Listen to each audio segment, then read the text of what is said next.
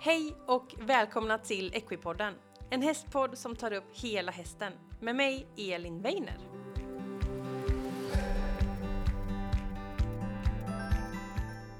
Hej alla Equipodden-lyssnare och välkomna till veckans avsnitt av Equipodden. Veckans avsnitt presenteras i samarbete med Polly Equine. Och som jag berättat tidigare så är Polly Equine ett företag med lång erfarenhet av rep och de tillverkar fantastiska grimskaft till häst. De finns i olika längder, i dova snygga färger och också med olika typer av eh, knäppningar. Men idag tänkte jag att jag skulle lyfta fram en eh, kvalitet som jag tycker är väldigt bra som de här grimskaften har.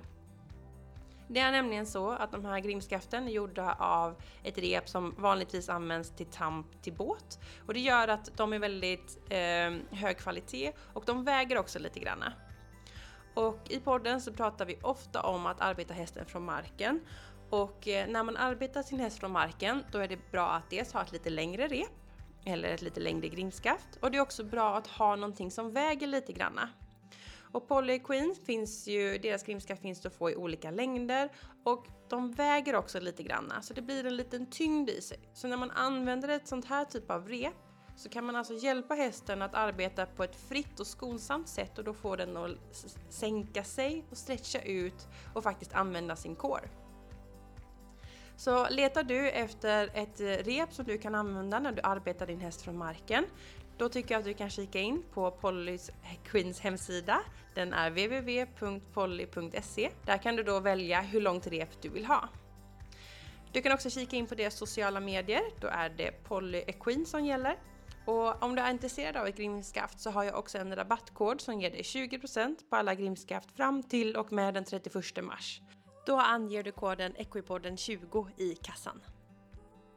Men nu till dagens gäst och det är ingen mindre än den fantastiska och legendariska Tobbe Larsson. Jag fick äran att komma hem till Tobbe Larsson och eh, jag fick också träffa Alexander som driver restaurangen på gården nere i Skåne. Som restaurangen heter 15 minuter en kvart. Och vi har ett fantastiskt samtal. Eh, det, vi pratar en timme och det är ett jättetrevligt, härligt och glatt samtal. Eh, Tobbe berättar om eh, alla sina resor, han berättar om sina upplevelser, han berättar om sina hästar, han berättar om vad frihetsdressyr är, han berättar om hur han tränar sina hästar, han eh, berättar om massor av massor av spännande och intressanta saker. Alltså vilken spännande människa. Och Alexander, han gör all musik till Tobbes föreställningar och han gör också en hel del kyrmusik. Så att han berättar om hans sätt att se på musik kopplat till häst när man inte kommer från hästvärlden från början. Nu kan Alexander jättemycket om häst, men han kommer inte från liksom den klassiska ridbakgrunden. Så det här blev ett jättehärligt, spännande, intressant och glatt avsnitt. Men innan vi drar igång veckans avsnitt så vill jag bara säga att just den här veckan så är det verkligen ett hett, hett, hett tips att ta sig in på sociala medier. För där, där har vi en liten överraskning som kommer komma om någon dag eller två. Så håll utkik på sociala medier så ni kommer inte bli besvikna. Så nu ska ni få njuta av eh, intervju med Tobbe Larsson.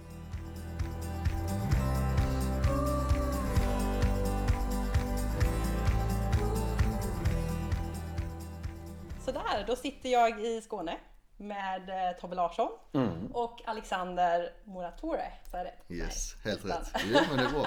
Det lät bra. Jättekul att få komma hem till er. Ja men tack snälla, kul att komma hit och hälsa på.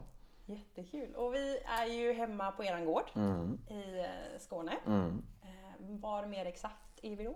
Vi är typ en och en halv mil utanför Ystad och vad ska jag säga, så typ en ja, 15 minuter från Sturup ungefär, fast mm. ner mot vattnet. Precis. Eh, och jag köpte den här gården för det är 20 år sedan detta år. Det är helt sjukt alltså. Helt crazy. Men ja, så här är det. Här är det. Det, är, det är liksom min, min hub i Sverige. Ja. Häftigt. Ja. Och eh, vi ska ju prata massa spännande saker här idag. Mm. Men jag tänkte bara att eh, ni kan börja berätta om vilka ni är. Mm. Du kanske men jag är så dålig på att berätta vem jag är. Eh, men jag, ja, jag, jag är då Tobbe Larsson. Jag heter Tobbe Larsson. Eh, och jag heter Tobbe Larsson. Många kan tro att man säger, eh, heter Tobias eller Tobbe. Men ja, nej, jag heter Tobbe. Mm. Eh, och jag har hållit på med hästar ja, typ hela mitt liv. Kan man säga. Och jag har jobbat professionellt, uppträtt professionellt med hästar i, vad är det nu, kanske är det 20, 24 år sedan, det måste vara 23 eller något sånt. Mm. Alltså rent för många år. Mm. När, man, när man kommit över 10-strecket så kan man liksom sluta räkna. Så det, det är väldigt många år. Men, men det har också gjort att den liksom äran att kunna jobba med hästar som jag har gjort har också gjort att det har öppnat väldigt många dörrar runt omkring. Och man har lärt känna mycket kul folk runt om i världen. Liksom. Så att eh, jag är väldigt, väldigt tacksam mot hästarna. Det är liksom verkligen de som har byggt min, både min karriär och det, det jag har eh, också runt omkring. Det är hästarna, definitivt. Och sen har, gjorde jag då, eh, jag har gjort två stora Europaturnéer. Eh, jag har gjort, skulle jag våga säga, alla arenor i Europa. Skulle jag våga säga att jag har gjort. Av de större. Inklusive då Wembley, Manchester Arena, Ultra Arena, Prague. Alltså alla de stora. Wow. Eh, eh, och efter jag hade gjort min andra Europaturné då kom liksom frågan om jag skulle göra TV. Eh, och då blev det då Ponnyakuten. Och då, jag brukar skämta säga att Ponnyakuten är nästan lite av det minsta jag har gjort i min karriär. Men det blev det största i Sverige. Ja. Om man pratar med icke-hästmänniskor säger man eh, ponnykul. Ja. Alla bara, ah just det. Ja, och varje dag får jag så på sociala medier så här bara, när ska ni starta? Och så här, det- Och jag säger, jag älskar Ponnyakuten. Så Jag är väldigt, väldigt stolt över Ponnyakuten. Och vi också, man ser på alla frågor som kommer både i sociala medier men även faktiskt fortfarande brev och även när vi kör event och sådär. För att det snurrar fortfarande i Danmark, Finland och Norge. Så att det är liksom, ja, så det, det, är, det är superkul. Jag är jättestolt över Ponnyakuten. Det, det är coolt liksom. Det är coolt. Så det är väl jag så. Och sen eh, jag gör en del reklamfilmer om mina hästar eh, och som sagt uppträder fortfarande runt om i världen med dem innan covid kom. Så. Och, eh, men så har jag liksom haft som en dröm alltid att kunna göra gården här hemma, Sjörup prästgård, till liksom lite mer som en hemmahub. Där jag kan vara lite mer och inte fara runt så mycket. Eh, så att vi har min arena här hemma där vi tar, eh, har en bra läktare och sådär. Och där kör vi mina event på sommaren. Man kan komma hit och träffa mig och mina hästar. Eh, och sen kör jag mina Tobbe Camp här hemma på sommaren. Då ungdomar kommer liksom som en sån här riktig, det är som ponnyakuten fast det spelas inte in. Precis. Men de kommer hit med sina egna ponnys eller stora hästar. Eh, Jag tränar dem och framförallt tar vi in andra tränare som kommer hit och tränar och vi har Kraft som håller föredrag och så här. Det är liksom spännande. Och ett jättebra samarbete med Höök som kommer hit och alltid pratar om eh, hur tränsen ska sitta och sadlar. Alltså de där lite så här basic men viktiga sakerna. Och nu kör vi också då Tobbe Camp för vuxna och det ska bli, det ska bli intressant att se hur det går. eh, och sen har vi då restaurangen på gården. Vilket vi har, den har varit här nu i tre år. Sen 2019. Sen 2019. Och eh, det har liksom varit helt crazy. Fast vi har haft då covid och allt det här hemska så hade vi trots allt det för sommaren 20 000 besökande gäster på gården. Så det är liksom, det är väldigt mycket folk. Det är mycket människor. Det är mycket människor. Eh, så jag, jag är väldigt glad över gården, att det är liksom att vi har hittat en form här hemma som, som, som, som funkar. Liksom. Folk är glada och nöjda och vi är glada och nöjda och djuren älskar att vara hemma. Ja, det. Eh, så, det, så den försöker jag liksom så hela tiden utveckla lite mer och nu har vi också kört, vi har haft i restaurangen lite andra grejer. Mark Levengood och Henrik har kört podd härifrån och nu ska vi köra det här off horse. Eh, som vi kom på istället för att eh, på häst så off häst, off horse. Och in, Så att vi kör det och så tar vi lite olika kända ryttare eh, och lite folk runt hästvärlden. Eh, vi har en superduktig moderator Malin som kommer till liksom moderera det när folk sitter och äter. Och sen blandar vi in det med lite sådana som jag då tycker är viktigt och Alex också. Det behöver inte alltid bara vara så här mega hästigt. Vi har också två av gladiatorerna, Ako Rahim och Aris som kommer för att prata om just hur man själv ska äta. Vad ska man äta? Hur stretchar man? Hur ska man träna? Alltså ofta är så hästfolk, de pratar så mycket om sina hästar att den ska äta exakt klockan fem och den ska ha det och det och det. Men de glömmer liksom bort sig själva. Så det är också lite så här eh, a wake-up call på något vänster. Eh, Så vi försöker hålla gården ganska effektiv men ändå liksom igång. Och sen är den ju byggd så att jag kan liksom ha mitt privata med hästarna och restaurangen lever sin, sitt liv med egen infart. Men man kan ju då självklart se från restaurangen både mina hästar och kameler och grejer. Så, så det är nog så här, det funkar liksom väldigt, väldigt bra. Ehm, så att jag är superglad över det. Och Alex då som har restaurangen och driver den med bravur. Eh, där började liksom samarbetet att han började producera min musik för, för fem år sedan. Ja. Och så han har gjort min musik till föreställningar till, också igen runt om i världen. Både Dubai och Italien, eh, Friends i Stockholm, Elmia. Eh, och han är grym på att liksom producera och göra musiken till uppträdena. Eh, och sen det lett till att han också gjort lite kyrmusik till lite andra kända ryttare och sådär. Så, att, så vi har liksom ganska så bra samarbetspuck där. Och även självklart vad det gäller eh, allt annat runt omkring med kontor. Han, han är grym. Man måste liksom ha, man måste ha bollplank och det är väldigt skönt ibland att ha bollplank som inte kan häst. Som liksom har ett annat tänkande. Just det. För jag har också superbra bollplank med häst som Birgitta Kjellin till exempel, är mitt stora bollplank. Men, men, hon är verkligen hästnörd. Men så här, ibland är det bra att ha inte häst och ibland är det väldigt bra att ha häst. Liksom. Så att man, det, den kombon funkar väldigt, väldigt bra. Eh, tycker jag. så så är det. Precis, ni har ju verkligen byggt en, liksom, många delar här. Eh, vilket är jättekul. Och du Alexander driver ju restaurangen då bland annat. Ja, det stämmer. Ehm, Jag kan presentera mig. Ja. Alexander Moratore, halv polack, halv italienare, född i Sverige. Eh, uppvuxen i restaurangbranschen sedan tidigare och hållit på med musik sedan jag var, alltså sen barnsben. Haft det som ett intresse liksom hemma. Ehm, ja, sen började vi samarbeta lite smått. Eh, och det var musiken som förde oss samman. Från början var det mamma som är veterinär Mm, ja. som förde oss samman. Men eh, så vi började samarbeta och vi snackade lite om att det hade varit kul att göra någonting, utveckla någonting på gården som har med mat att göra. Så vi öppnade restaurangen 2019 och har drivit den sedan start. Och det har, gått, eh, det har gått väldigt bra för oss. Och man säger, vi har jobbat väldigt mycket, jobbat väldigt hårt. Men eh, folk uppskattar konceptet, det är lite annorlunda koncept. Ehm, jag brukar åka med till Dubai vi håller på lite där med projekt, Tobbe har sina projekt där nere. Jag försöker etablera mig lite och försöker hänga med där också. Så Det gäller ju också alltid att, så att som sagt hästarna har ju liksom en förmåga att öppna väldigt många dörrar. Ja. Eh, och sen är det också, tycker jag, så här, lite stolt blir man när man åker från lilla Sjörup liksom med hästar och musik och grejer och ska uppträda. Så åker vi till Dubai och så är vi i Abu Dhabi en helg och tränar och uppträder med hästar som sen åker tillbaka till Sjörup igen. Eh, Jag gillar liksom när man så här kan få ihop helheten och framförallt också att kunna vara lite mer baserad hemma när jag väl är i Sverige och vara här. Och inte behöva liksom flacka runt så mycket med hästarna. Det är otroligt skönt. Och kunna gå ner här och göra någonting och sen gå ut och sen gå runt i hagen. Alltså det är så här, jag älskar det. Ja. jag älskar det. Det är så bra för att vi, vi kompletterar varandra en hel del vad det gäller allt från kontoret som Tobbe sa. Vi hjälps åt en hel del. Vi ger varandra idéer. Eh, ibland när jag behöver hjälp med något så har Tobbe något bra råd. Och, Jag tycker alltid att jag har bra råd. Ja. Till och med dina dåliga Ja, till och råd. med mina dåliga råd är väldigt bra Helt tycker jag själv. Helt rätt. Nej men så det är kul och det är kul att komma från en icke hästvärld till bara häst kan man säga. Fast Tobbe gör ju mycket annat också. Ja. Som är väldigt inspirerande. Han, eh, som sagt han har en del samarbeten. Man lär sig väldigt mycket av Tobbe Larsson. Och sen tycker jag också det är kul med Alex i restaurang för att han som sagt har ju verkligen haft alla alla Sveriges hästkändisar och även, även många tyska hästkändisar och så. Och han har liksom ingen aning om vem de är om inte vi har träffat dem ute någonstans innan. Så det är också, då inser man hur hästvärlden är också väldigt så här, eh, det är liksom egen liten värld på någon Ja. vänster så där alla förväntas veta på någon vänster vem man vem Alltså man nu, är. nu vet jag vem de flesta är. Ja, nu kan- nu känner Men du de vet, vi, ja. vi har varit på Stockholms arena, suttit där i vippen och ätit så har, det kommit fram folk så hej hej, Tobbe bara vet du vem det är? Jag bara, nej det är den. Bara, Va? Wow, vilka meriter. Men det är också intressant för då kan man, då kan man eh, prata som vanliga människor utan att det ska bli något eh, Mm. Och häst, hästvärlden är också kul tycker jag för att den, hästvärlden också som sagt den öppnar dörrar men den, Ja. den blandar också väldigt mycket folk. Ja. Eh, Det kan ju liksom vara högt och lågt och vett och britt och ändå liksom, för alla, alla har intresset av häst. Och det är någonstans är det som hela- under alla år drivit mig. Liksom. Det är egentligen, egentligen är det väldigt enkelt, det är, så att det är kärleken till hästen. Ja. Och den tycker jag man så här, ibland glömmer lite grann här hemma. För man kanske har så här otroliga prestationskrav eller man ska prestera. Eh, och man kanske tittar mer på storlek på lastbilar och sadlar och grejer istället för att tänka liksom så här, det är egentligen kärleken till hästen som är liksom number one.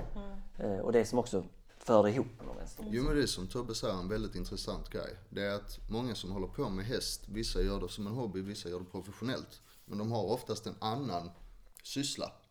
Som man också kan kombinera. Eh, Där man hittar många samarbetspartners till exempel inom olika grenar. Så det är verkligen att djuren för en tillsammans på olika Och sätt. sen är det också att många har ju väldigt intresse av hästar framförallt runt om i världen. Ja. Från min del har jag sett, eh, återigen i Dubai, och så att där är liksom hästen liksom en, en helt annan symbolstatus än vad den Ja. är i Sverige. Det, är liksom, det öppnar otroliga dörrar. Alltså, Jag skulle inte komma i närheten av de connections om inte det var för hästarna. Precis. Alltså det är liksom, forget it. så att hästarna är, de är, det är coola varelser. De verkligen... eh, Men du de har ju också lyckats på ditt sätt. Jag menar det är många som håller på med häst, detta är min. eh, Det är vad jag tycker, men många håller på med häst och har inte åstadkommit det du har gjort på din front. Till exempel som i Dubai. Mm, men jag, jag tror så, det är så att alla, alla åstadkommer på sin front. Jag, för min del har det alltid varit så otroligt viktigt att inte känna att jag vill inte tävla. Jag vill inte, inte därför, det är inte det som är drivkraften för mig alls. Utan jag, jag har en helt annan drivkraft och det är hästarna. Det är det jag tycker är kul. Just det. Och det är därför jag inte heller vill vara så här ibland för mycket involverad i saker. För att jag, det är inte det jag tycker är kul, det här runt omkring med hästeriet. Utan det är själva hästnördet jag tycker är kul. Liksom. Det, är det, det är det jag tycker är roligast egentligen om jag ska vara helt ärlig. Men eh, hästar är coola. De är coola. Ja, det är häftigt. Och det finns så mycket att göra som Ja, sagt och det går att det. kombinera ihop. Mm. Ja, det är fantastiskt. Det är en väldigt vacker gård ni har. Ja men här är fint men det är så framförallt ska man komma på sommaren det är ännu finare.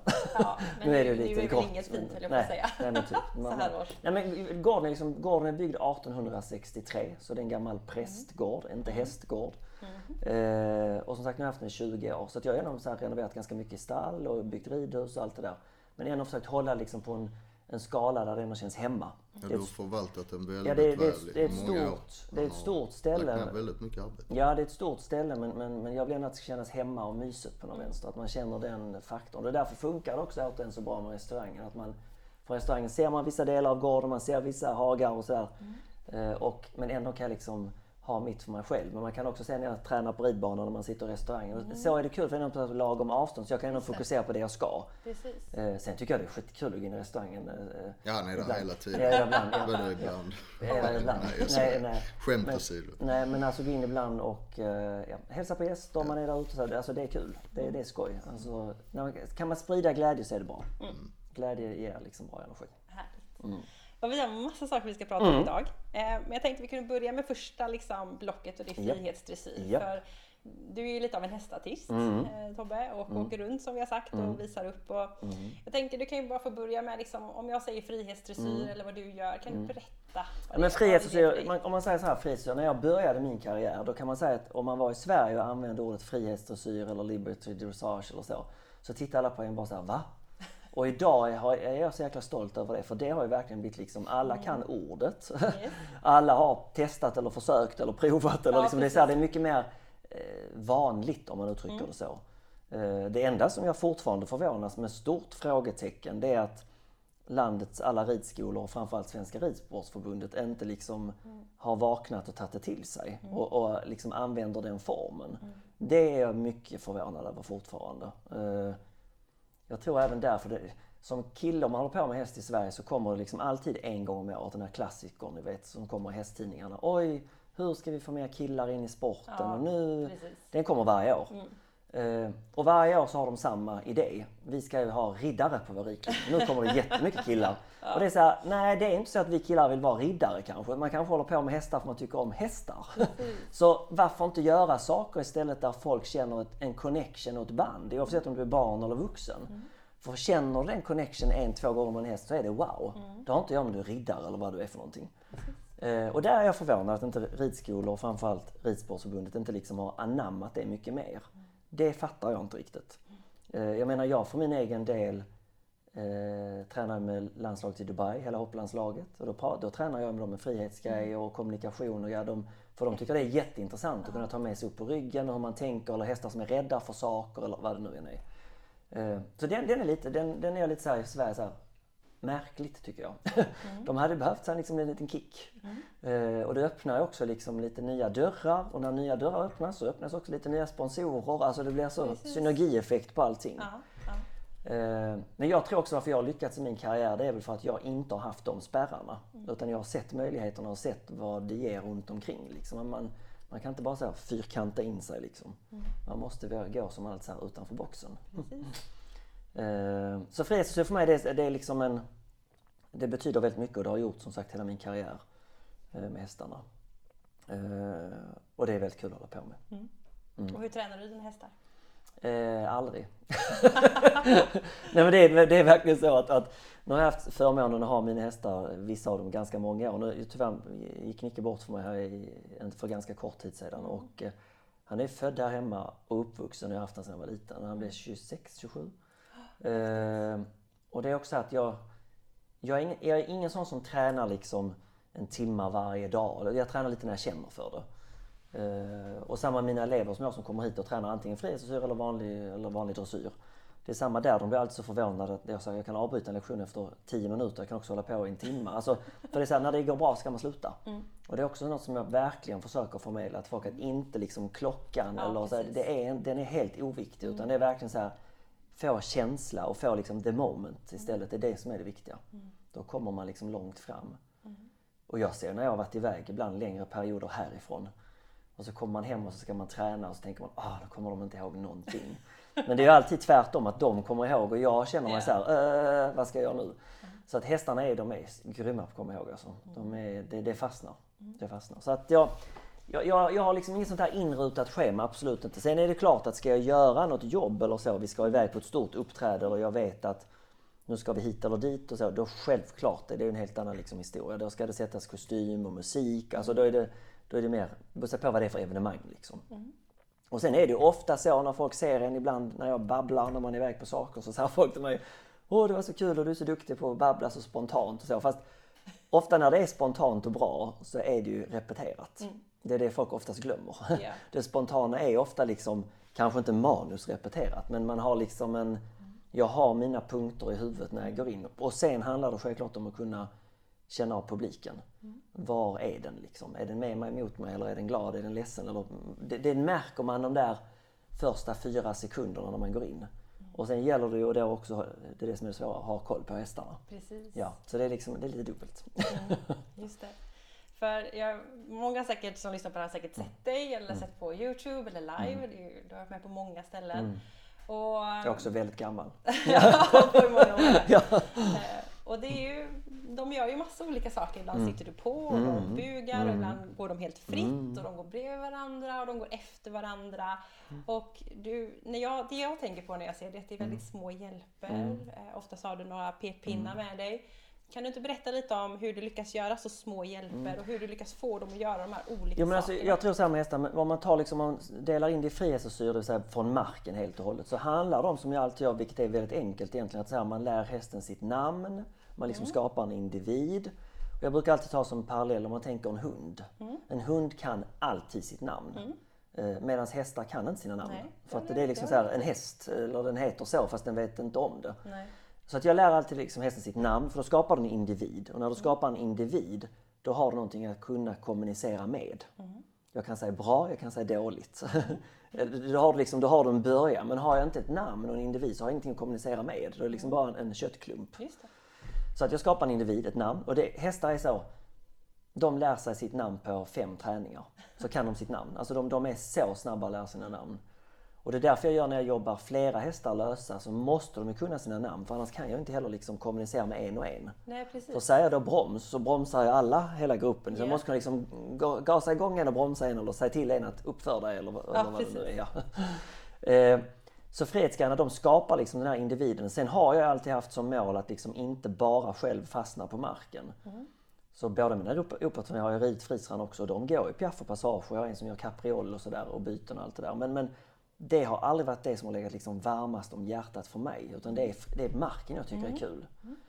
Eh, sen rider jag så fortfarande och nu har jag faktiskt precis köpt i, i största hemlighet en ny, eh, en ny stjärna som jag ska ha. En Lusitano hingst. Wow! Som är en, en elefant. Han är 1,68. Eh, och han liksom möter mina frihetsvärdar och mina ridhästar för att han är nämligen guldfärg på kroppen med svart man och svans. Så det är liksom en blandning av mina ridhästarna och mina guldiga hästar. Det. Eh, och det blir min nya uppvisningsstjärna fast från ryggen. Mm. Eh, men han är superfin. Och eh, det ska bli så kul med honom för det blir också en ny resa för mig när man börjar om. När man har haft sina hästar så många år så när man Mm. Mm. skaffar en ny så är det verkligen så här Wow! för jag är inte van vid att byta, jag har alltid samma hästar. Så jag är så här riktigt taggad på det. Så här, det- de får liksom gå ett nytt varv när man ska ha ny sadel och man ska ha nya stövlar. Och det, all, allt ska nytt för att man ska liksom själv kunna komma igång. Det, ska, det känns liksom en ny kick för mig också verkligen. Eh, Så att han ska göra uppträden och han kommer också till att betäckas. Vi kommer till att börja med honom faktiskt redan denna säsongen. Spännande. Eh, Ja, det blir spännande för att vi har redan hästar både i Sverige men framförallt från utlandet. Eh, Framförallt dressyrhästar som vill betäcka för att få in liksom lite annat blod. Men även då till ja, hobbyhästar. För of, ofta när man kommer in på det här med liksom avel och så, så är det ju... Jag har haft avelshingstar tidigare som har varit i avel och man möter ofta, framförallt också när man får hit folk som då vill ha hjälp med att de har problem med sin häst eller det inte funkar kommunikationsmässigt. Och ofta är det ju så att den här då, om vi kallar henne Anna som sitter hemma vid sin TV och tittar på OS i dressyr och så ser hon en superduktig dressyrryttare. Ja. Och så tänker Anna i skogen att men en sån häst vill jag ju ha. Mm. Och så köper hon den här dressyrhästens avkomma då för att Anna i skogen ska ha den och rida två gånger i veckan dressyr som hon kallar det och sen rida lite i skogen. Mm.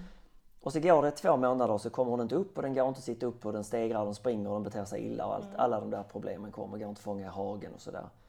Och det är ofta ganska enkelt avskalat, det vill säga du har kanske köpt lite fel liksom, motorstorlek eh, yeah. kontra vad du behöver. För du rider inte som de gör på OS i TV.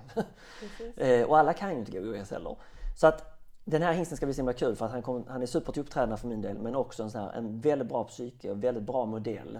Och kommer till att vara perfekt att blanda in i så här, folk som vill ha en trevlig häst. Eh, och så att det behöver inte alltid liksom vara fokuserat mot att vinna. För det handlar också om att få liksom en trevlig häst hemma. Mm. Och där kan man igen vända till hundavel. Mm. Där man liksom kanske avlar på familjehundar. Precis. Man avlar på jakthundar. Men mm. har du en jakthund så kräver den kanske då lite mer engagemang och träning och så vidare. Så, så där... Det är sådana grejer jag försöker fånga upp genom åren som man kanske inte alltid tänker på själv. Men, men som är för mig ett väldigt återkommande. Mm.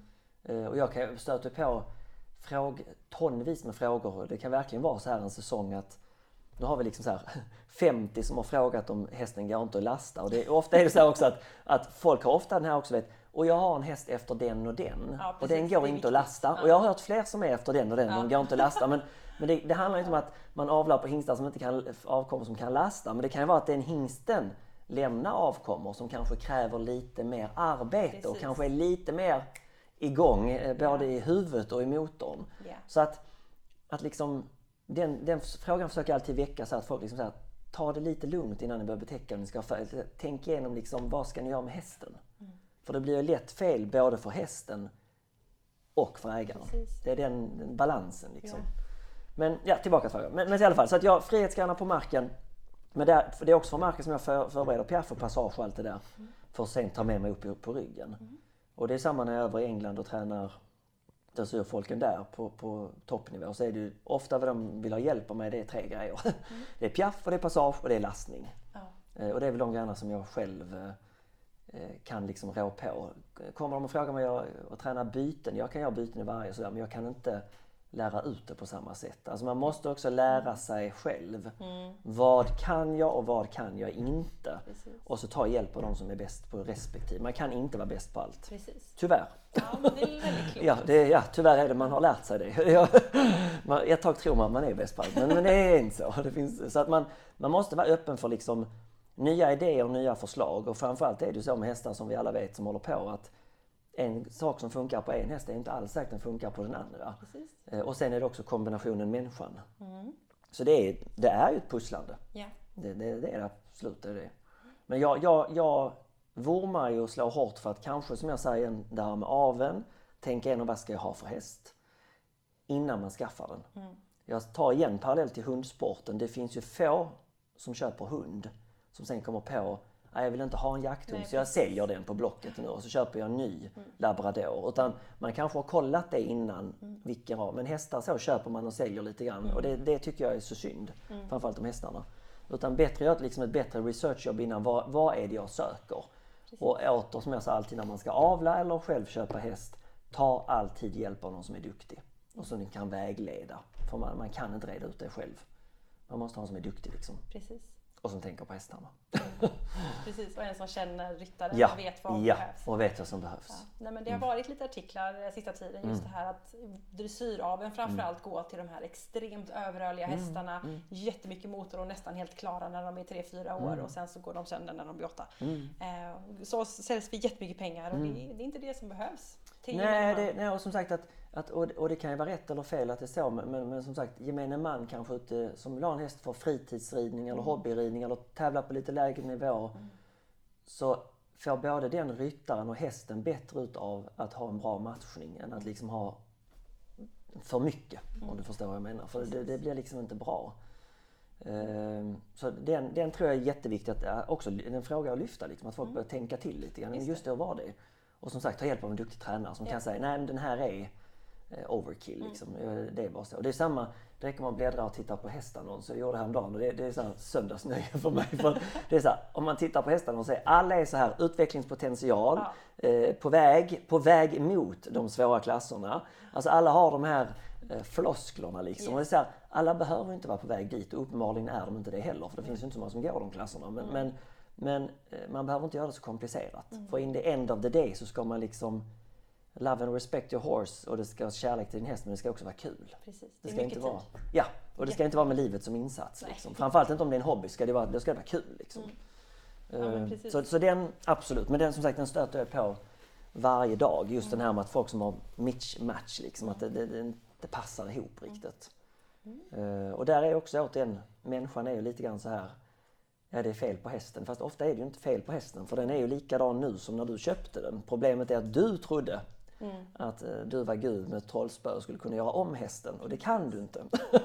Nej, det är det ofta som är problemet. Så, att, så att det, skapar liksom inget positivt varken för hästen eller för ryttaren. Utan verks- hitta rätt häst från början är jätteviktigt. Det låter som att det blir spännande att se vad din nya stjärna Eller hur? kan eller visa hur? för Eller någonting. hur? Eller hur? Ja, som är- och framförallt tycker jag det är kul också, men jag kan se på mig själv som sagt efter alla dessa år. Det är kul också, där ser man också vilken nytändning det blir för en själv. Mm.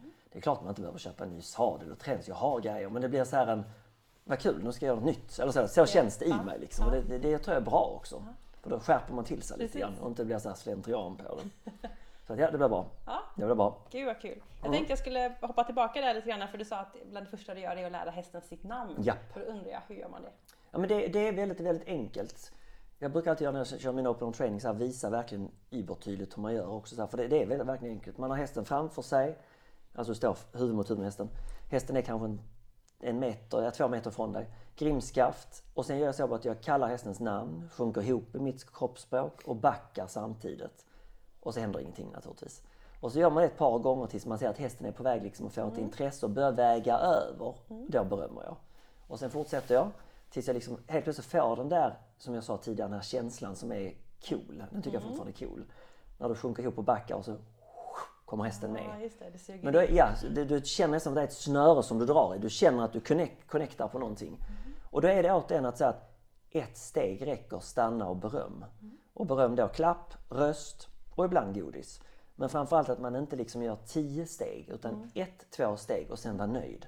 För det är där vi ofta människor har problem. Att vara nöjd. För har man då gjort det så kanske precis ens kompis kommer in i ridhuset eller på ridbanan och så tänker man jag ska visa. Och så gör man tio steg och så går det åt helvete. Så att det gäller liksom att våga med små korta grejer. Hellre gör om, gör om och gör det kort och enkelt för hästen. Eh, Så, så, så enkelt är det att lära dem namn. De lär sig det jättesnabbt. Sen gäller det att inte missbruka det. Samma som på hundar. Att man kan liksom inte hålla på och kalla på dem hit och dit. Man får liksom vara konsekvent tills det sitter där ordentligt på dem. det. Men det är, inte tjata, men det är, alltså det är hur enkelt som helst. Hästar är väldigt, väldigt, väldigt lättlärda.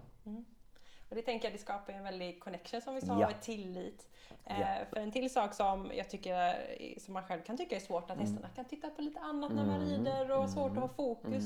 Hur gör du för att få dem att hålla så bra fokus på dig och Mm. Jo, se dina små hjälper? Jo, men jag, jag tror jag sagt att jag tränar även på det. Det vill säga om man nu om man liksom tänker lite mer så här eh, runt omkring. Om jag ska iväg på ett uppträdande, nu pratar jag stor, alltså då större uppträdanden. Om det är så här Wembley eller om man åker då eh, Abu Dhabi eller, eller var man nu är någonstans. Eh, Eller Falsterbo kan man också ta. Det är också mycket folk och det är utomhus. Då får man, jag brukar alltid tänka igenom innan, okej nu ska jag vi tar Falsterbo Horse Show som jag älskar för övrigt. Eh, vi tar Falsterbo Horse Show, men jag ska dit och göra någonting. Då, då måste jag liksom varje år ändå så här tänka igenom innan. Jag ska till Falsterbo, hur är det på Falsterbo? Okej, det kan vara jättevarmt, då är det fullt med småflugor och lite sandigt. det kan också vara blåsigt. Och det inverkar också både hästarna och mig, men framförallt påverkar det publiken. Flyger barnvagnarna och paraplyerna då? Eller är det, du vet, man drar alla de, där, alla de scenarierna drar jag i mitt huvud. För att, och det måste jag träna på hemma. Jag måste träna på de här folkmassorna. Jag måste träna på ljudet, om det är ljus, om man då är inomhusarena. Det tränar jag på hemma. Det, det är inte så att man kan göra ibland som man ser tyvärr när folk tävlar hästar eller man hör att och vi åkte på en tävling men oj, de blev rädda för domarbordet. Uh, jaha, men har ni inte tränat på det? Nej, det hade de inte gjort då. Utan jag utsätter mina hästar för det hemma innan. Ljud och ljus, när vi har kontroll på det. Så att det inte blir att de blir rädda. Utan att man liksom kan styra situationerna istället med dem. Eh, det lägger jag jättemycket träning på. Och samma med träningen att där är folk på läktaren, eh, ljudet går av, ljudet går på. Alla de där sakerna som kan hända. Att mikrofonen knastrar. Alltså allt, allt det där som kan hända och som kommer till att hända när du är iväg ibland. Eh, och där är det så viktigt för mig att hästarna hela tiden har fokus på mig. Och att jag känner mina hästar, jag ser på dem när de håller på att tappa fokus. För tappar de fokus så är jag körd. Ja. De måste hela tiden ha fokus på mig för att annars är jag liksom eh, gone with the wind. Och ibland tappar de fokus på mig eh, och då är jag gone with the wind. Och då får man liksom också så här, bara så här lugn, lugn, andas, andas. Och det är det som är charmen med frihetsdressyr att Ja, det är det med ridning också. Ingenting är perfekt. Och det är det man måste liksom, man må, behöver inte vara så perfekt. Men sen är det, alltså den känslan när man står på ett stort uppträde och, och man tappar kommunikationen. Den är fruktansvärd. Men den är också den bästa av alla känslor när de fyra sekunder senare, senare känner att nu är kommunikationen tillbaks. Den är obetalbar. Eh, och jag, ofta när jag tränar mina hästar eller man är iväg på grejer, fortfarande efter alla dessa år sådana här wow moments. Liksom. Man tänker, hur fattar de det? Där är det så här, hur, hur, hur fattar de vad jag menar nu? Ja. Eh, och det, jag försöker också med hästarna att när jag tränar att inte göra det för mycket i samma ordning och så för att hästar är så snabba på att lära sig. Vilken, ja, du vet själv, du rider och ska göra byten exempelvis. Så ett varv sen vet de nu ska den göra det där eller där. Och det är samma med frihetsgrejerna. Så det gäller liksom att kunna styra dem och vara med dem. Och inte, jag ser aldrig mig själv som någon ledare utan vi jobbar ihop liksom. Eh, Så jag försöker jag tänka. Att det är lite så mer modernt kontorslandskap. Eh, jag tror inte på den här, eh, eh, vad ska jag säga, ledartypen som hästarna liksom följer. Alltså, nej, man måste jobba ihop, Ja, man måste jobba tillsammans. Liksom. Den, den tror jag är jätteviktig också. Precis, att de följer dig för att du ska vara dominant. Mm, ja, nej, det vill, jag inte ha det. Nej. Eh, och de ska inte heller följa mig för att de ser mig som en godispåse. Liksom. Det, det, det har, det, man stöter på mycket under åren. Jag menar, jag, även mina hästar som rids som kan ha superpiaff och passage och sådär. Ibland när folk säger åh ja men han ger dem godis. Så brukar jag säga, ja men åk du hem med dina godis ska vi se om de piafferar och passagerar så bra. Alltså det är, så, det är inte det det sitter i. Det får inte sitta det. Men det kan vara en, en belöning och det kan vara liksom en upp, upp, vad ska man säga, uppåthöjande energi. Eh, och sen försöker jag alltid när jag tränar mina hästar, när man nu mer har liksom möjlighet att kunna välja att är jag på så här halvdåligt humör någon dag eller känner att jag inte liksom, ja så som vi människor känner att man inte är hundra i form, då skiter jag i att träna. För att jag vet om att det kommer inte att bli bra. Eh, och det är bättre att avstå än att göra för att jag ska. Eh, det är bättre att liksom skita i det. Eh, Men det är väl sånt man också visar med åren när man vågar, vågar gå lite utanför ramarna. Vågar acceptera att idag orkar. Precis, precis. Idag är jag skitdåligt humör. Igen. Ja.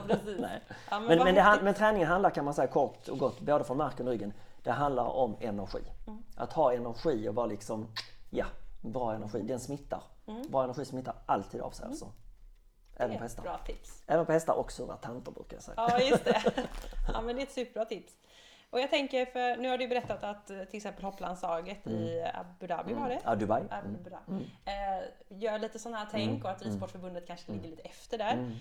Finns det liksom, om, oavsett vilken disciplin man rider, om man är skogsryttare, tävlingsryttare eller jag vet inte vad man kan göra. Är det, finns det fördelar med att jobba med frihetsdressyr eller från marken? Ja men det, alltså det, jag, kan, jag kan stolt, stolt säga att jag hjälper dessutom två stycken av landslagsryttarna i England i dressyr eh, med, med samma saker. Och det, och det är så att, ja men det gör det för att jag menar du får en kontakt och en kommunikation med din häst och är den rädd för saker på marken så kommer den till vara rädd när du sitter på för samma sak. Så att du kan liksom göra väldigt mycket och det blir också en komplement till den dagliga träningen. Att man kanske kan inte sitta liksom och harva runt i ridhuset eller ridbanan och bara träna, träna, träna. Då kan man träna frihetsgrejer. Eh, Och hästarna måste ju lära sig bli lastade, de måste lära sig åka själv, stå själv i stallet. Alla de där är liksom egentligen basic grejer som man ibland glömmer bort liksom, i all hast.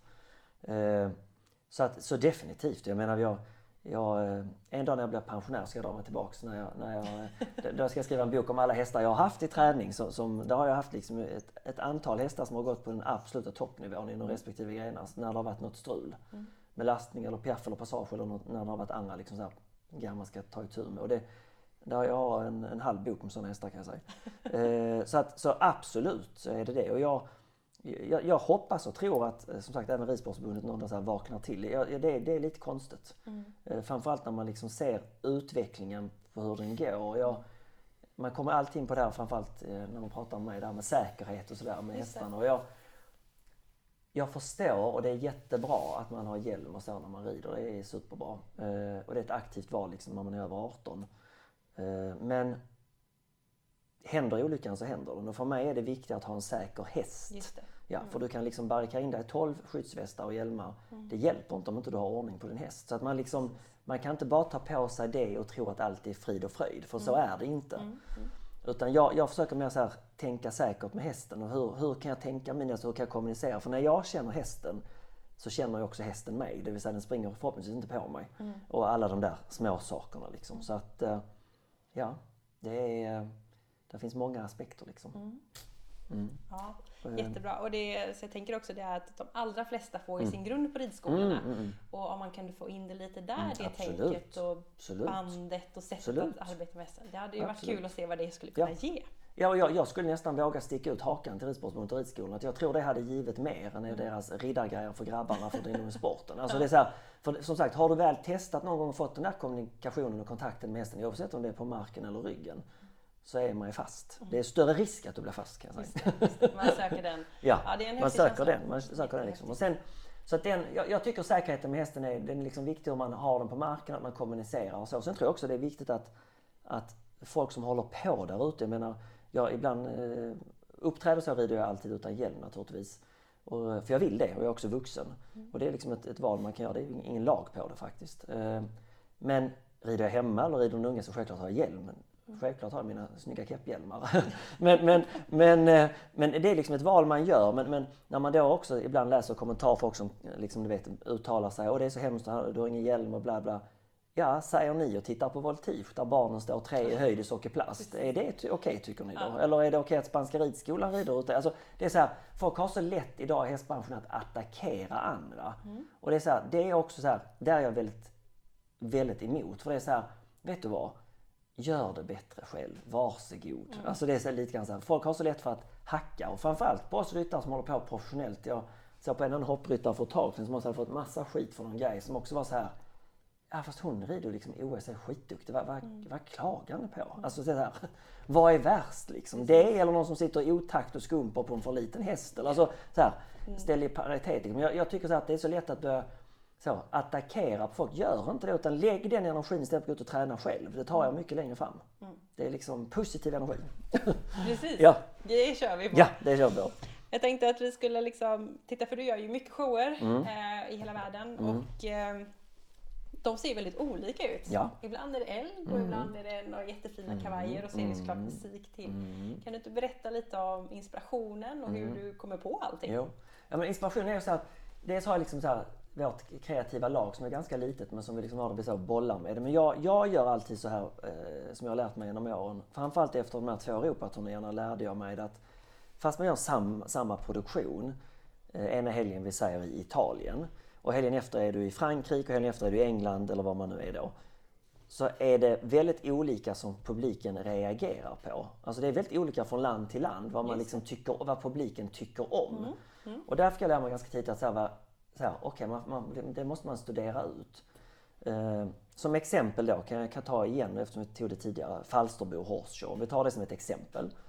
Och så jämför vi med det när jag gör till exempel, eh, eh, vad ska jag säga, eh, ja, någon arena i Tyskland.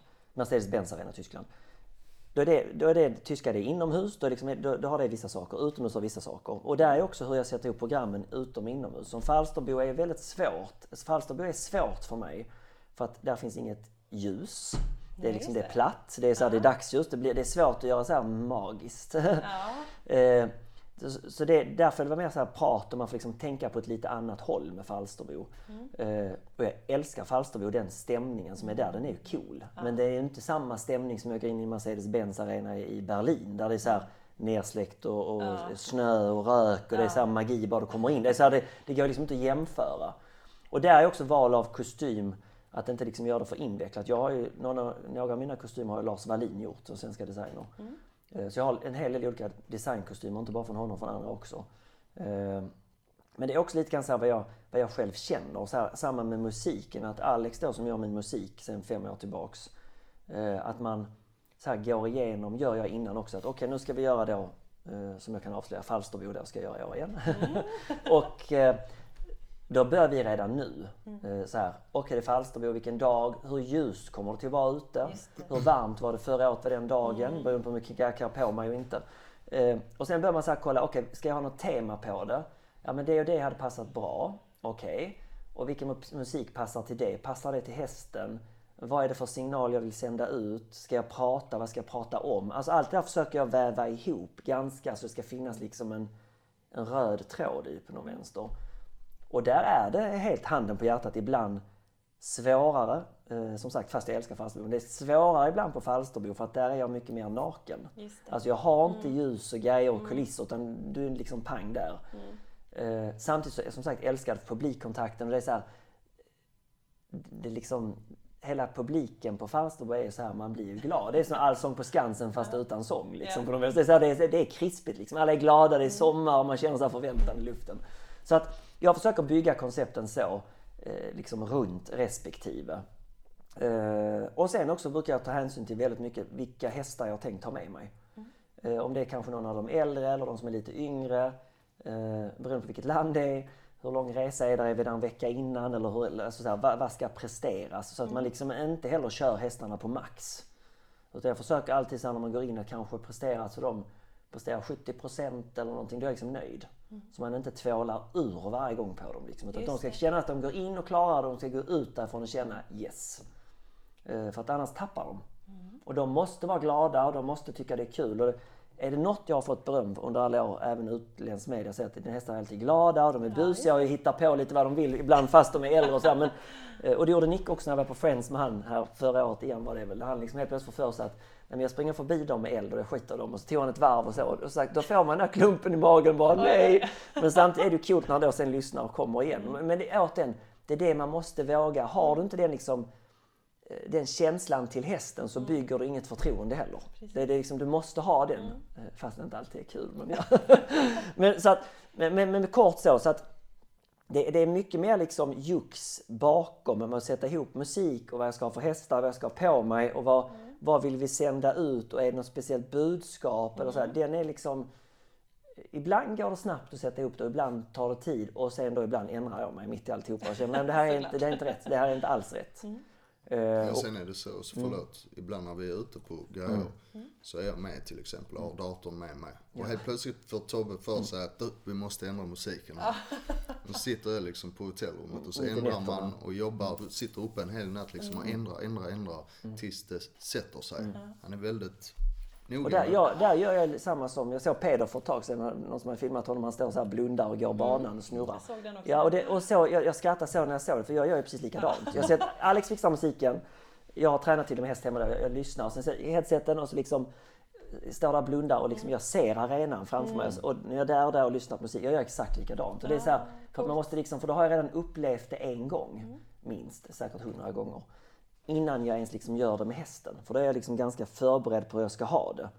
Eh, Och där kan jag säga nu med igen erfarenhet efter alla dessa år att man har gjort ett antal arenor kanske mer än en gång. Så att jag har ju också lärt mig vissa arenor som, som vad det liksom är som man tycker mindre bra eller tycker bra om. Och vissa arenor är ju svåra, vissa är lättare. Eh, Helsinki Arena har gjort säkert fem föreställningar med Passionata. Det, det är en sån, jag älskar arenan backstage, den är skitkul. Men det är en underbar arena att komma in i men då har publiken väldigt långt ifrån dig exempelvis. Det. Och det kan ju vara så att har du då gjort någonting där du ska ha så här samspel väldigt, när då vill det till att du vet att det är jumbotroner och TV för han ser dem inte vad jag gör ens en gång. Alltså det är så, här, så där kan man också man måste lära sig vara väldigt, det är mycket att hålla reda på. Eh, och sen är jag ganska perfektionist så att jag vill också veta liksom innan. Jag tycker inte om så här att göra för eh, jag kan improvisera när jag väl är där men jag vill gärna veta liksom ramarna innan jag gör någonting. Liksom. Så jag vet. Och det handlar också om att jag vill inte utsätta hästarna för grejer som jag inte kan 100% stå för till dem. Liksom. Att eh, vi är safe, lita på mig. Det är också noga med att se till att hästarna har det bra där de Ja. står. Se Ja. till att de får rätt. Ja, det, det är väldigt, alltså vissa arrangörer, vissa arrangörer framförallt här uppe när man är, är man utomlands är det inte så farligt men ibland när man är här uppe i Skandinavien så kan man tycka att jag är skitjobbig för att jag vill också att mina hästar ska ha ett eget stall, jag vill ha det avspärrat från folk, jag vill inte att folk ska kunna komma in där. Alltså, det. och det handlar inte om att jag är jobbig utan det handlar om att jag älskar och respekterar mina hästar så mycket och de, de är värda det. För det är de sen som ska in och glänsa och göra sitt jobb. Liksom. Så att jag, vill, jag vill inte ha det där stöket runt omkring liksom.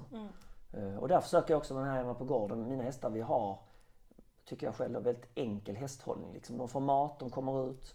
Har det varit nu som covid och de inte reser så mycket, eh, framförallt till varma länder då, så Vissa av dem har tecken, de flesta har inte ens tecken nu på vintern. Mm. Eh, och de går ut på morgonen, ja, kommer in på kvällen och är leriga. Jag har tre stycken, mina de tre som jag har till ATG-reklam går på lösdrift till och med. Jag, alltså jag vill att hästarna ska vara så mycket hästar som möjligt. För det är det som gör sen att man duschar dem. Och så tänker man wow, vad var det där under den lerhögen?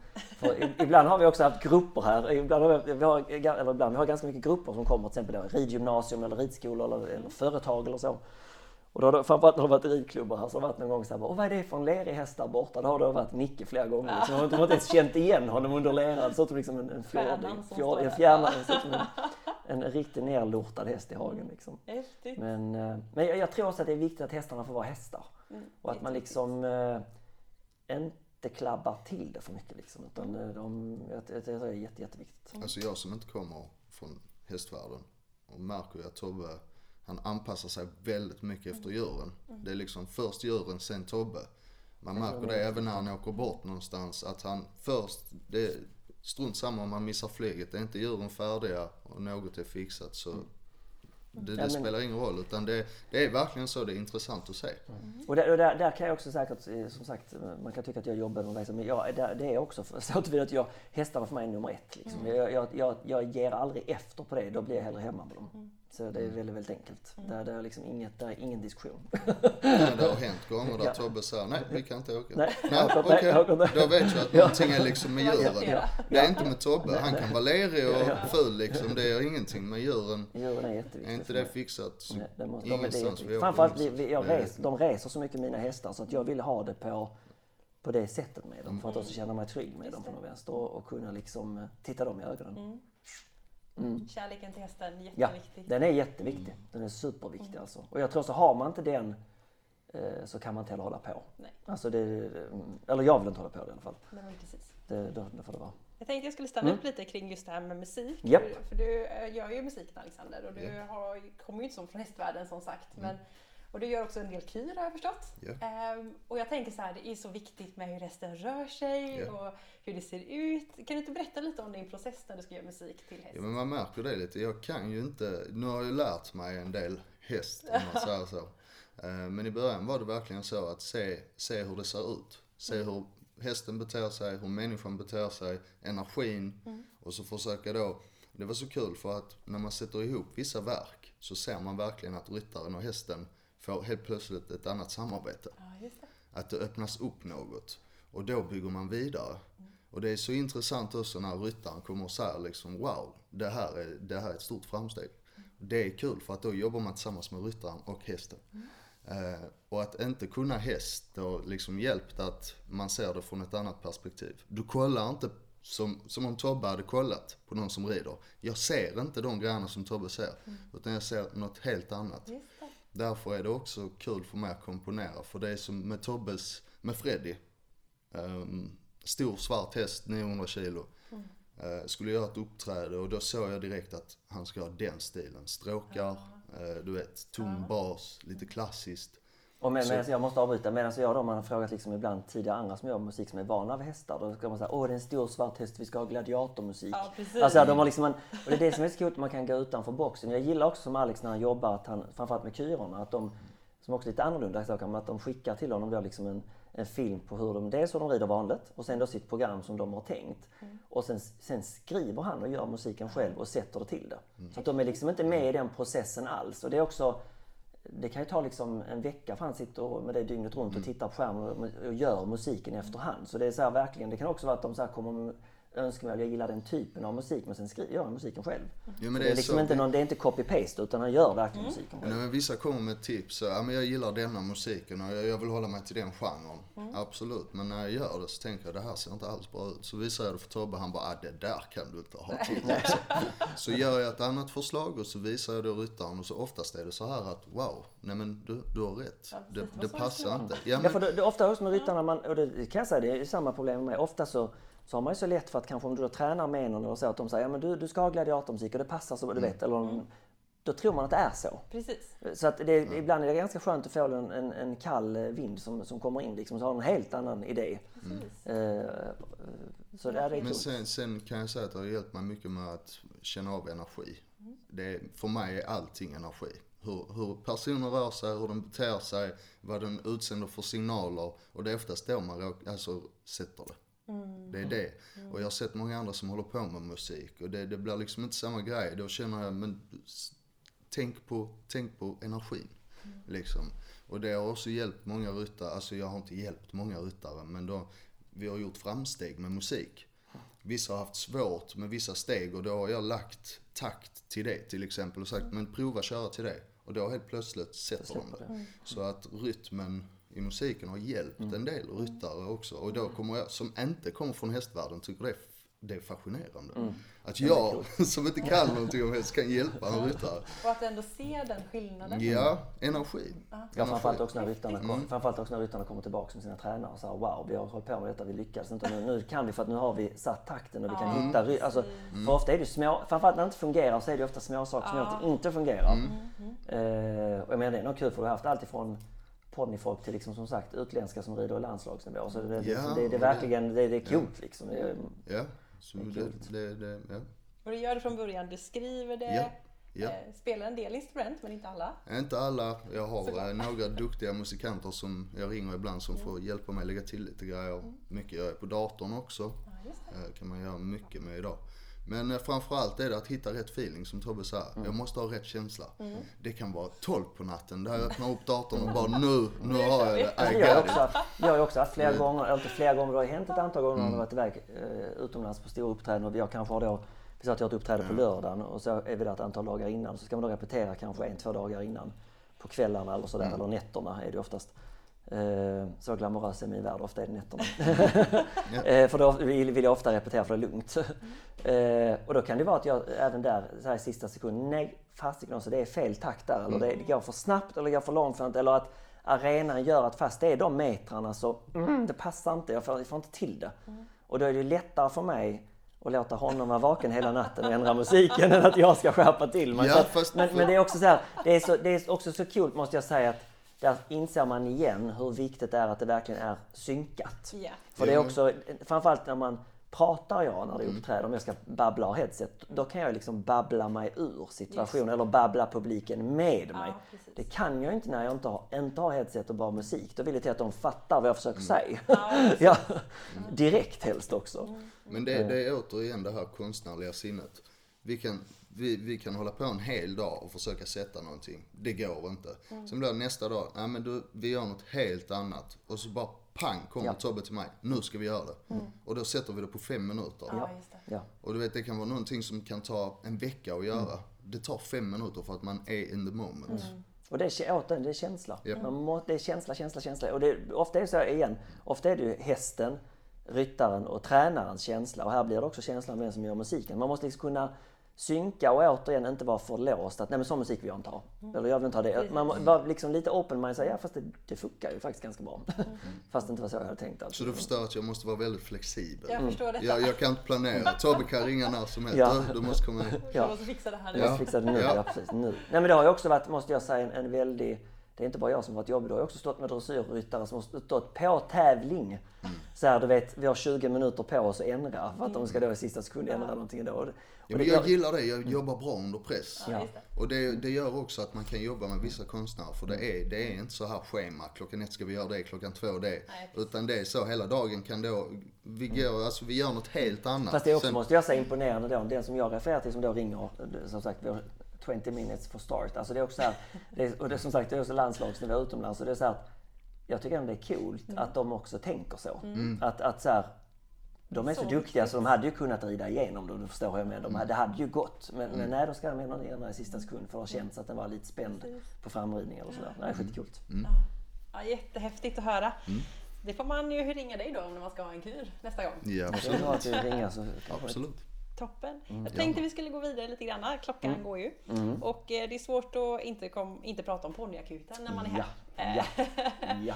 Och eh, ponnyakuten är ett tv-program så de som inte vet det. Som gick för ett antal, när, gick det? Ett antal år sedan nu. Alltså, ja, det känns som varje går, men jag tror säkert det är sex år sedan. Det gick sex, sju år Men det sedan. går väl fortfarande. Ja, det, går, det snurrar i tre andra länder, men Sverige går det inte nu. Men SVT har ju represserat det, jag tror säkert, tre, fyra gånger. Ja, det har gått ja, flera, ja, det har gått flera vändor. Ja, Mm. och på olika kanaler och Japp, sådär. japp. Och du gör ju en egen variant om jag får snufföron. Eh, Tobbecam. Ja. Som går på din Youtube. Mm. som är lite liknande. Och, Mm. och det som är här, det jag förstår, det är att du brinner för ungdomarna och för ungdom, Ja. alltså ungdomarna i sportens utveckling. Japp.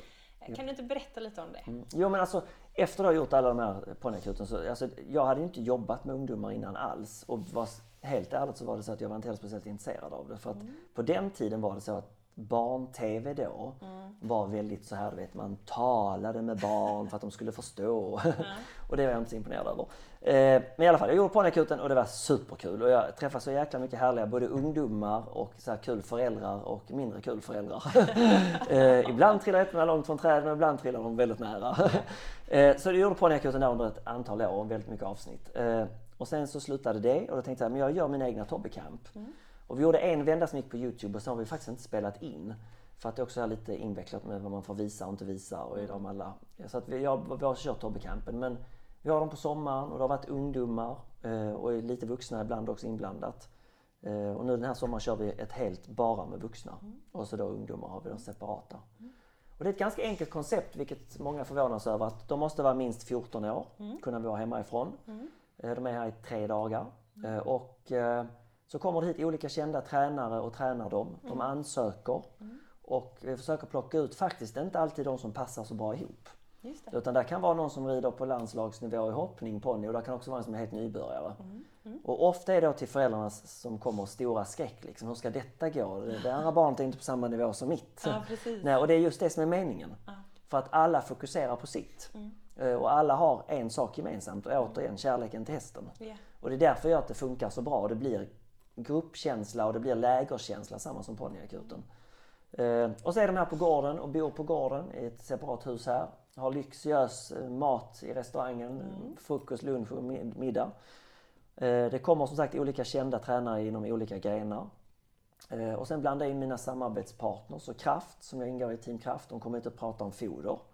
Eh, Och då pratar vi inte om deras produkter utan vi pratar om generellt. Hur fodrar man och vad... Vi brukar göra det väldigt, det brukar väldigt uppskattat för då, vi brukar börja med restaurangen som en föreläsning och sen tar vi faktiskt in alla hästar i ridhuset. Och så går de igenom respektive häst. Vilken är lite överviktig och vilken är lite smal och hur kan man det. så man liksom verkligen förstår vad det är liksom. Eh, och sen blandar vi in lite andra samarbetspartner, mina små Stora Enso med strö och sådär, pratar med damm, miljö så, så vi försöker liksom hitta, hitta olika. Högs kommer hit oftast och pratar om till ungdomar då, om att anpassa sadel och träns och lite så här, som man kan tycka är basic men det är väldigt många som har problem med det, där det inte passar. Så, så det är verkligen så här baskunskap fast väldigt mycket duktiga tränare som liksom också kan tillföra och verkligen ge någonting till de som kommer hit. Nu i år ska vi ha vuxna också som sagt, vi får se hur det går. men, men det är också så här, det är här hemma, det är på sommaren, det är fint liksom. Och så här, det, det, det, är, det är kul, alltså jag älskar det. Det är, det är, och det är kul med ungdomar för det är så här, det ger också väldigt bra energi. Ja, Ungdomar ger jag, jag har bra fått förmånen att laga mat till dessa camp. Och liksom då blir man lite delaktig i en liten del av det. Och det är jättekul för mig också. Att se hur de utvecklas och eh, Ja, vad som händer. Ja, här är många bra gäster som kommer hit och ja, det tränar. Alltså det, det, det är en bra feeling. Mm, Bra verkligen. energi. Verkligen. Ja, det är, Ja, men det återigen, är det. är det bara energi, för det är Det precis är det det det. handlar om. Och, och sen är det återigen det här med att man eh, det var det jag gillade också med ponnyakuten, att man inte blir, du vet, ingen utslagstävling eller så. Det är samma med Tobbecampen. De kommer hit på olika förutsättningar. Vissa kommer i stora fina lastbilar och vissa kommer i någon transport som knappt hänger ihop. Och vi, alltså förstår du? Men det är så här, och det är också så viktigt för att vi har så lätt att kategorisera oss. Liksom, att det ska bara vara hoppning, det ska bara vara... Det behöver inte vara så. Eh, Och alla har liksom, tränarna som kommer är så pass duktiga så alla har någonting att lära. Det har man liksom alltid. Alltid, alltid. Ja precis, det, det blir ju lätt att, eller när jag var ung i alla fall så var Mm. det väldigt viktigt just det här med kärleken till hästen. Hästen går alltid först och man gjorde allting. Men idag upplever jag att många ungdomar specialiserar sig i väldigt tidig ålder. Man Japp. är dressyrryttare eller man är hoppryttare och man är inget däremellan. Och då är det väldigt härligt att få komma hit och få blanda sig Ja, lite. ja men det, det är bra att blanda. Sen brukar jag alltid reta, reta ungdomar när de kommer hit för att även ibland då liksom när kommer eh, tränare och tränare så brukar jag säga att ni måste sitta med och lyssna när de tränar andra. För man lär sig ju jättemycket av det och kolla och sådär. Eh, och varje gång jag kommer ner så sitter alla där, med, inte alla, de flesta med sina telefoner istället och scrollar runt. Så jag brukar säga jag vet att detta är en chock för er men ni kan lägga telefonerna för det här är live. ja, liksom att kunna lära sig också njuta av det som är live. Eh, att man, eh, och det, det är superviktigt att kunna liksom ta in det man ser. Precis. Ehm, Så det, vi försöker vara ganska vi är ganska mycket på dem de här dagarna de är här och sen tillkommer då allt det där med stalljobb och hur fint de ska ha i sitt stall där nere och det där, annars blir det ingen träning. Så där är jag ganska tuff med dem alltså. Bra. Eh, så att det- det, vi har ganska bra eh, disciplin brukar jag säga, det låter så hemskt. Men det är också för att det är faktiskt hästarnas liksom, eh, ställe att bo. Så det ska vara lite disciplin i alla fall. Precis. Ordning och reda. Det behöver man lära sig. Japp, det gör man. Ja, fantastiskt hörni ni. Eh, Nu har vi pratat i en dryg timme här. Mm. Ja, du ser där. eh, Det bara, det bara rullar. Ja visst, så Ja, jag men- tänkte vi skulle börja avrunda. Ja, jag, då måste jag bara säga innan, sen, sen, vi, vi försöker som sagt göra massa olika projekt på gården, men jag måste bara säga också att sen kör vi också den här off-horse här nu hela mars, precis. april. Ja. Eh, och det är också så här kul koncept vi kom på. Jag sa nämligen alltid när folk är här, när vi har mycket utländska gäster, så säger de off course. Så här folk. Då säger nej här säger vi off horse, säger jag alltid. Men nu blir det av häst i dubbel bemärkelse. Ja. Där jag helt enkelt också har bjudit in ja, kända ryttare och hästprofiler eh, som kommer till restaurangen. Gästerna sitter och äter. Och så har vi en superduktig moderator, Malin Andersson, som liksom pratar om dem, det som deras liv. Men framförallt så här, vad är bra vårträning att ta hem och träna med sin häst? Och så har vi massa olika ryttare. Så här, Henry, Hen, förlåt. Niklas Haking menar jag. Niklas Haking, Lisen Bratt, alltså vi har en hel hög. Och sen har vi också bjudit in två stycken av de tidigare gladiatorerna, Aris och Aker, för att prata om kost och träning och stretching till människan själv. För att vi, vi är så duktiga hästfolk liksom på att så här, hästarna ska ha det och det och det och sen glömmer man sig själv. Liksom. Ja. Eh, och det är också kul, man kan gå så här över gränser. Vi, där igen samarbetar min sponsor Kraft, eftersom är deras lag, Team Kraft. Och ta hit lite andra ryttare som pratar om sina grenar. Men framförallt också kunna förmedla bra träningstips till folk som kan ta med sig hem. ja. Och att man får så här, du vet, en chill, mysig kväll, man kan äta gott och dricka gott och bra föredrag och framförallt eh, nätverkandet. Mm. Att träffa andra och kunna prata. För det hinner man ju ofta inte när man har med sig hästar för då blir det så stirrigt. Så att jag, jag hoppas att detta konceptet liksom kan leda vi, leva vidare men det känns så här super. Det är spännande att se, testa något nytt liksom. Ja, ja. Eh, och jag är också glad för att jag är ju inte, inte liksom så hands-on eller involverad på det viset. Men, men det är kul att se att det händer något på gården även med andra hästfolk. Liksom. Eh, och vissa av dem har jag jobbat med innan som Charlotte Bundiga, Marie Alltså det kommer kul folk så det kommer att bli skitkul alltså. Det blir coolt. Så att, ja, så det, så Skör Prästgård är, det har blivit sån här liksom en, en sommarhub säger jag. Är man i Skåne så kom till Skör Prästgård. Här finns både hästar och kameler i hagen och eh, en tokig pizzabagare som gör eh, kyr och sen också kanske jag någonstans. Ja, precis. Någonstans i någon ledig hage. Ja, typ, typ så. Typ är det så. Ja men helt fantastiskt. Grymt. Gud vad vi har pratat om massa och det finns ju såklart massa mer men Ja. någonstans får vi begränsa oss. Eller hur? Men eh, om man skulle vilja ha kontakt med er, Mm. eh, hur gör man då? Alltså enklast är via dessa sociala medier. Min är då Tobbe Larsson official. Sen har jag också en sån här gammal tråkig hemsida, tobbelarsson.com. Eh, där har man, det mesta är samkört ändå. Men sen har Alex till restaurangen, har du? Eh, 15 minuter, en kvart på Instagram. Du hittar det väldigt enkelt. Där kan du också gå in och se eh, meny, se lite vad vi har eh, i restaurangen, vilka gäster som kommer.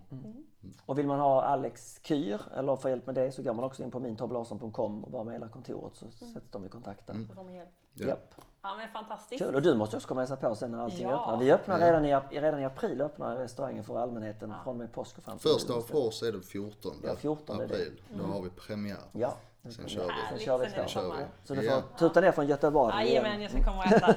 ja men eh, fantastiskt hörni. Tack så Mycket jättemycket. Tack så jättemycket. Tack själv. Tack, tack.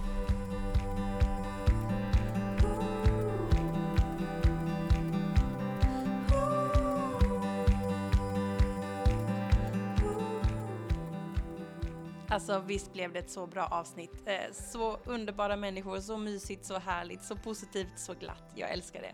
Det var en fantastisk samtal, en fantastisk intervju. Eh, jag fick fantastiskt glada känslor så jag hoppas du också har det. Eh, gå gärna in och följ dem på sociala medier, Tobbe Larsson official och 15 minuter en kvart för att se alla deras roliga upptåg. Det är ju föreläsningar, det är den här off horse som går just nu, det är öppna träningar, Tobbe Camp och så vidare och så vidare. Så det finns jättemycket spännande saker att eh, titta på hemma hos dem.